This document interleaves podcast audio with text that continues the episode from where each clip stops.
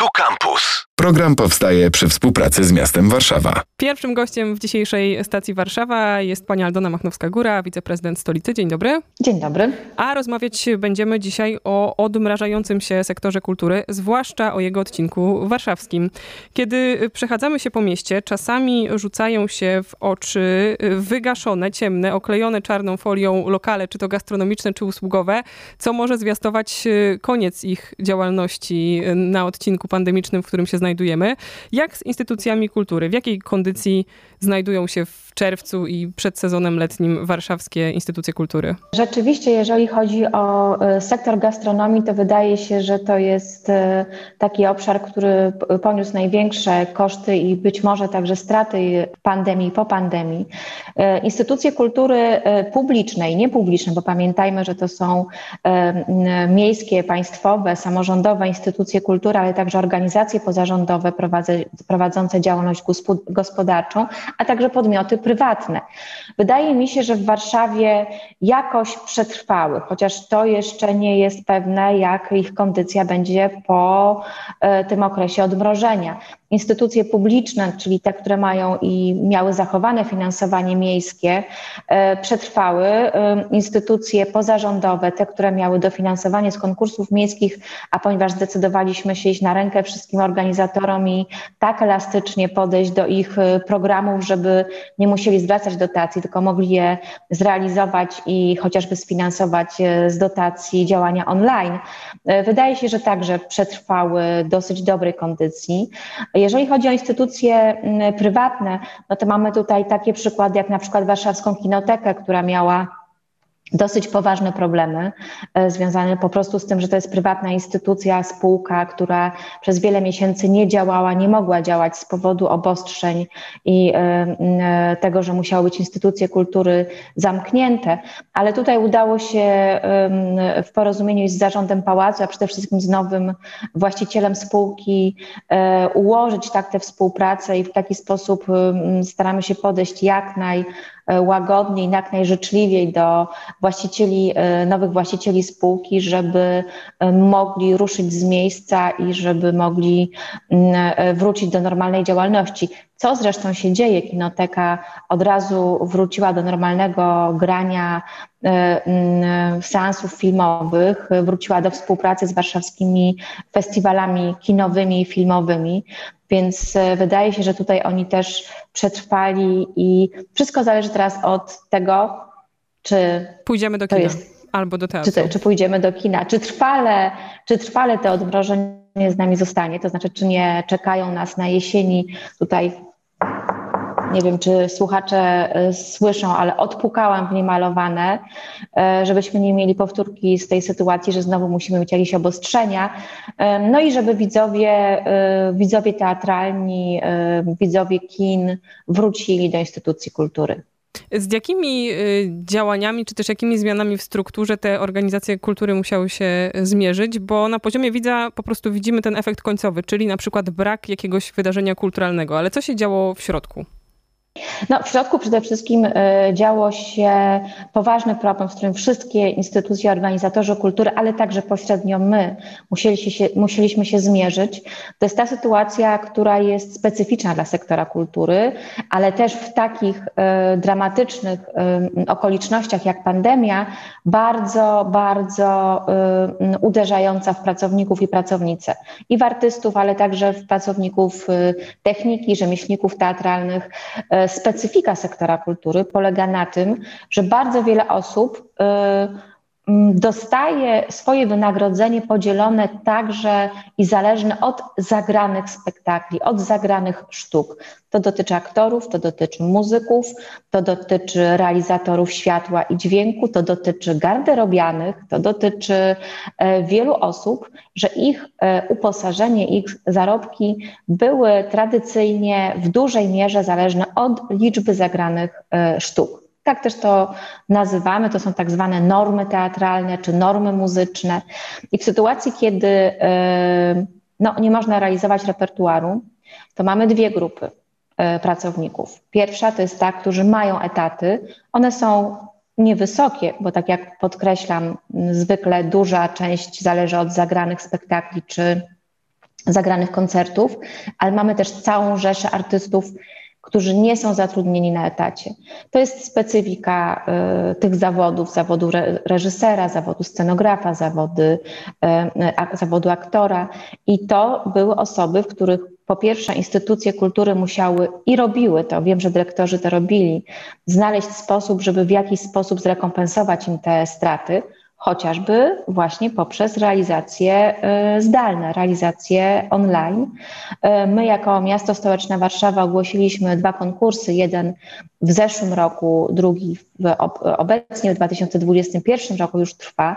Na każdy z nich przeznaczyliśmy milion złotych właśnie na wsparcie niezależnych artystów, niezależnych y, mm, osób, żeby mogły pracować y, za niewielkie budżety, ale też, żeby to było dla nich wsparcie takie no, wręcz socjalne, znaczy takie, żeby mogli po prostu realizować y, jakąś pracę i dostać za to wynagrodzenie. Ale z perspektywy widza myślę, że wyglądało to inaczej i od początku. Ja tak oceniam od pierwszych tygodni pandemii, że niemalże wszystkie instytucje natychmiast zareagowały, kiedy już było wiadomo, że te lockdowny potrwają dłużej niż te dwa tygodnie, które nam, jak przypomnę, zapowiadano na początku, e, i natychmiast przeszły do internetu. I nie tylko y, sukces tego przejścia do internetu, do zdalnych prezentacji, y, oferty kulturalnej był sukcesem takim organizacyjnym instytucji, ale też sukcesem frekwencyjnym.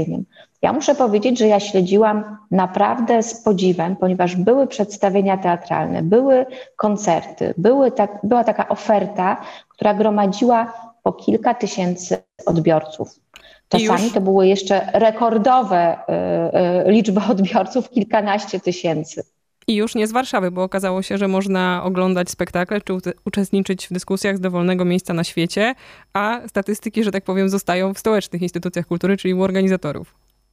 Tak jest, tak jest. To, to bardzo cenne i też e, my, my, na tej podstawie, zresztą w porozumieniu z innymi miastami w Polsce, ale też e, z miastami na świecie, żeśmy podjęli decyzję, e, że jednak zainwestujemy jako miasto ze środków naszych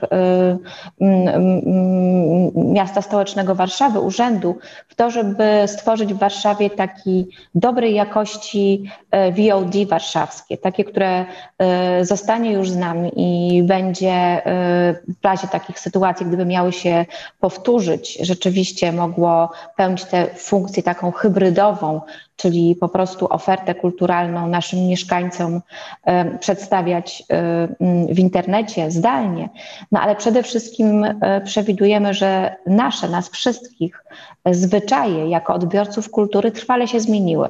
Właśnie to, że zobaczyliśmy, że nie trzeba przyjeżdżać do innego miasta, żeby zobaczyć y, ukochany teatr albo teatr, który chciało się zobaczyć, z aktorami, których się chciało y, podziwiać na scenie, tylko można to w bardzo dobrej jakości, y, tak bardzo też wysokiej, wysokiej jakości artystycznej oglądać właśnie jako prezentację online. Czasem też w dowolnym momencie. Nie zawsze, ale trafiały się też takie, taka oferta programowa, która pozwalała na powroty do, czy to właśnie do spektakli, czy do dyskusji, czy innych wydarzeń kulturalnych. Kiedy mówi pani warszawskie VOD, to mamy sobie wyobrażać jakieś takie właśnie wielkie internetowe porozumienie wszystkich instytucji funkcjonujących w Warszawie? Tak, mam nadzieję. To znaczy, my, my inwestujemy jako miasto w, tą, w, w to narzędzie i rzeczywiście to będzie po prostu VOD Warszawa, e, w którym zapraszamy wszystkie instytucje publiczne i niepubliczne i wiemy, że już jesteśmy porozumieni do tego, że będą tam ten content, content czyli ten zasób artystyczny e, nam e, prezentować. Operatorem jest no, najmłodsza warszawska instytucja kultury, czyli Centrum Filmowe imienia Andrzeja Wajdy, instytucja, która no z założenia zajmuje się e, filmem, kinem, ale też nowymi technologiami, więc oni są e, operatorem tego, e, tego narzędzia. My czasami sobie tak prywatnie, nieoficjalnie mówimy o warszawskim Netflixie, jako że to jedna z najpopularniejszych, jeden z najpopularniejszych takich portali filmowych, ale tutaj rzeczywiście chcemy, żeby była tam przede wszystkim oferta aktualności, znaczy żeby teatry, organizatorzy, orkiestry mogły tam e, na, żywo e, prezentować swoje dzieła. Mogło być tam dostęp do tych właśnie archiwalnych, które można jeszcze raz obejrzeć. Mamy też taki plan, że będzie to też taka, będą też archiwalia warszawskie. My e, dużo bardzo rzeczy w Warszawie mamy cennych, szczególnie na przykład muzea, czy takie instytucje jak Dom Spotkań z Historią, czy Muzeum Warszawy. I też poprzez tę platformę może być ta oferta, czy te y, zbiory bardziej dostępne dla y, odbiorcy nie tylko w Warszawie, tak jak podkreślamy, to już staje się taka y, łatwość i dowolność w korzystaniu z oferty w Warszawie dla całej Polski, a nawet dla całego świata. Mm, kiedy powiedziała Pani o Centrum Kultury Filmowej imienia Andrzeja Wajdy, to w mojej głowie otworzył się taki pomost do kina Tęcza, które e, być może, znaczy być może, rozpocznie za jakiś czas swoją działalność e, na nowo i właśnie CKF imienia Wajdy jest z tym mocno związany, ale to też e, prowadzi mnie do pytania o takie prace czy procesy w tej tkanki, w tkance warszawskiej kulturalnej, które zaczęły się przed pandemią, a być może ona nieco je pokrzyżowała. I zmierzam tutaj na przykład do budowy nowej siedziby Muzeum Muzeum Sztuki Nowoczesnej. Widzimy, że trwa przejeżdżając przez centrum, ale czy, czy ten wirus gdzieś y, zamieszał może w tych scenariuszach otwarcia? No, y, oczywiście to, to jest olbrzymia, niezagrożona y, inwestycja w mojej ocenie, która też jest bardzo zaawansowana, co zresztą wszyscy widzimy przejeżdżając y, Marszałkowską czy bywając w okolicach Pałacu Kultury i Nauki.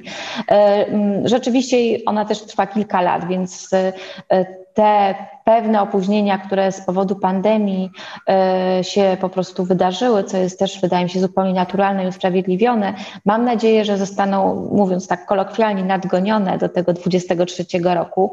Także ja jestem tutaj e, dobrej myśli. E, rzeczywiście planujemy rozpocząć inwestycje, czyli na Pradze, na Grochowskiej budowę Symfonii Warsowii, chociaż i pandemia, i sytuacja finansowa miasta sprawiła, że zdecydowaliśmy się na rozłożenie tej inwestycji e, w tak etapowanie jej, to znaczy w pierwszym etapie e, przede wszystkim będziemy mm, robić przetarg na modernizację tych e, zabytkowych budynków Starego Instytutu Weterynarii na, na Grochowskiej i budowanie infrastruktury, podbudowanie tej docelowej mm, sali koncertowej. No niestety tutaj pewne sytuacje tak zwane obiektywne nas wstrzymują. Podobnie jest z budową TR Warszawa, które także no, i poprzez pewne, pewne sprawy związane z długotrwałym procesem mm, e, przygotowania tej inwestycji, jeszcze e, nie jest ona gotowa, żeby się rozpoczęła, mm, a też z powodów finansowych jest e, troszkę odsunięta w czasie. No niestety takie mamy warunki ale y, nie ukrywam, że te inwestycje lokalne, y, mniejsze, tak jak wspomniane przez Panią, y, modernizacja kina tęcza, bardzo nam leżą na sercu. One są oczywiście tańsze, mówiąc brutalnie, więc łatwiejsze w realizacji, ale też bardzo ważne, bo to jest zasób dziedzictwa kulturowego miasta. No, ja sama pamiętam Kino Tęcza, kiedy jeszcze działało i całą historię kina, a potem Akademii Ruchu, która tam przez kilka lat y, działała. Mm, I to są te mniejsze inwestycje, które y, mm, zależy nam na tym, żeby jak najszybciej wróciły do mieszkańców, do tego, żeby kultura mogła być w nich realizowana.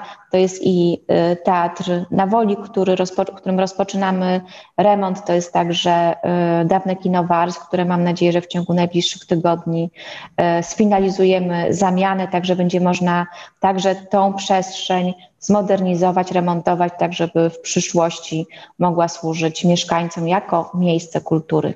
Mówiłyśmy kilka minut temu o trudnościach. Czy jest jakaś e, taka instytucja kultury, organizacja, która jednoznacznie wciąga na maszt żółtą albo czerwoną flagę i alarmuje toniemy po okresie epidemicznym? Tak było, tak było, e, tak było i muszę powiedzieć, że to było przede wszystkim, e, ponieważ taka, taka była polityka Ministerstwa Kultury i Dziedzictwa Narodowego, że muzea nie dostały wsparcia tego systemowego z Funduszu Wsparcia Kultury, więc rzeczywiście musieliśmy wspomóc e, nasze muzea, przede wszystkim Muzeum Powstania Warszawskiego. To też jest muzeum, które cieszy się bardzo dużą popularnością, więc jego montaż finansowy jest w dużej mierze mierze oparty na dochodach z biletów. Kiedy był zamknięty przez wiele miesięcy, to my jako organizator musieliśmy te dochody mm, pokrywać po to, żeby instytucja nie straciła płynności finansowej. No ale podobnie teatry, które też mają duży wpływ w swoim, w swoim montażu finansowym z biletów, takie jak na przykład Teatr Kwadrat. Ale Prawda jest taka, że niemal każdej instytucji y, przyglądaliśmy się i kiedy była rzeczywiście w trudnej sytuacji, staraliśmy się pokryć te straty, czy tą bardzo trudną sytuację, w jakiej instytucje się znalazły.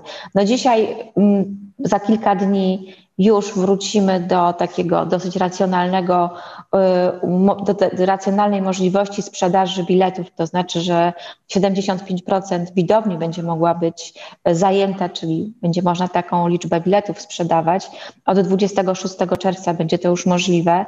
Wiem też, że wiele instytucji, y, mimo że tradycyjnie lipiec i sierpień to miesiące y, takiego sezonu ogórkowego, jak my to nazywamy, ale jednak zdecydowało się przedłużyć ten sezon na lipiec albo w, czerw- w sierpniu wrócić do grania, no też po to, żeby wykorzystać te miesiące letnie także dla, wychodząc naprzeciw oczekiwaniom widzów i publiczności. Ja naprawdę to widzę i dyrektorzy instytucji y, mówią o tym, że właściwie y, jak tylko instytucje zostały odmrożone, natychmiast widzowie wrócili, wszystkie miejsca, do tej pory te 50%, ale jednak wszystkie natychmiast zostały zajęte.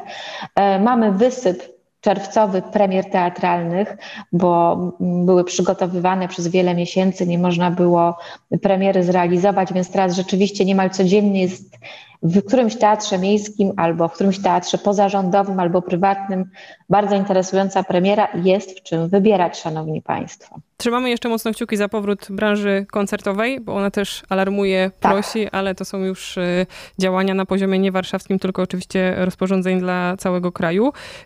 Co wraca? Myślę sobie, że ten 2020 rok trochę nam y, zamieszał też we wspomnieniach i sprawił, że pewne cykliczne wydarzenia, do których jesteśmy przyzwyczajeni, się nie odbyło, nie odbyły. Y, które z nich wracają w 2021 roku? Mamy początek sezonu letniego, więc może jest kilka takich, które moglibyśmy już wpisywać w kalendarze poza wspomnianymi premierami teatralnymi. No, rzeczywiście rozpoczęliśmy w takim bardzo dobrym momencie, to znaczy tradycyjnie co roku pewien, pewną, pewną, pewien wiosenny etap sezonów artystycznych, a szczególnie tych sezonów y, plenerowych, czy tych sezonów, sezonów na zewnątrz rozpoczynała Noc Muzeów i w tym roku udało się także w Nocą Muzeów rozpocząć y, ten sezon, ale na pewno wracają niemal wszystkie festiwale miejskie niemal wszystkie festiwale prowadzone przez organizacje pozarządowe. Przed nami już wkrótce i plener literacki, i Big Book Festival. Warszawskie spotkania teatralne właśnie trwają. Międzynarodowy Festiwal Teatralny realizowany przez Teatr Nowy wraca na jesieni. Mamy nagrody literackie, którymi Warszawa się chlubi i są też taką specyfiką miasta, czyli Nagrodę Literacką Miasta Stołecznego Warszawy Warszawy, finał już 20 czerwca. E, nagroda e, imienia Ryszarda Kapuścińskiego w czerwcu ogłaszamy nominowanych, a finał we wrześniu. E, przyjmujemy zgłoszenia do nagród historycznych miasta Warszawy Kazimierza Moczarskiego. Więc rzeczywiście festiwale i te znane, szczególnie letnie, takie jak e, festiwal e, Zingera, e, takie jak festiwal Warszawska Jesień na jesieni, one wszystkie wrócą. Niektóre, tak jak na przykład Docs Against Gravity, no nie zdążył się, znaczy źle się e, wydarzyło na, na wiosnę, że jeszcze była zamrożona możliwość realizacji festiwali, więc musiał być przeniesiony na jesień. Także ja sądzę, że i lato, i jesień będzie naprawdę bardzo bogata w e, wydarzenia kulturalne, szczególnie właśnie w festiwale. Cóż mogę powiedzieć? Apelować, szczepmy się, to, że dzisiaj wszyscy y, odważnie i z uśmiechem, korzystając z pięknej pogody, jesteśmy w przestrzeni publicznej, w instytucjach kultury, na warszawskich bulwarach i wkrótce, jak sądzę, na koncertach, y, to nie znaczy, że pan, jesteśmy zupełnie bezpieczni. No, bezpieczeństwo może nam zapewnić tylko zaszczepienie się dużej części populacji e, Polski. Więc proszę Państwa, szczepmy się. W Warszawie jest to naprawdę bardzo proste i namawiajmy wszystkich naszych znajomych i rodzinę, którzy jeszcze nie zdecydowali, żeby się szczepili. A kiedy już tak się stanie, po prostu chodźmy. Wyrażajmy też nasze zainteresowanie obecnością Oczywiście. wśród publiczności. Aldona Machnowska-Góra, wiceprezydent Warszawy, była naszym gościem. Dziękujemy bardzo. Dziękuję Państwu bardzo. Program powstaje przy współpracy z miastem Warszawa. Radio Campus. Same sztosy.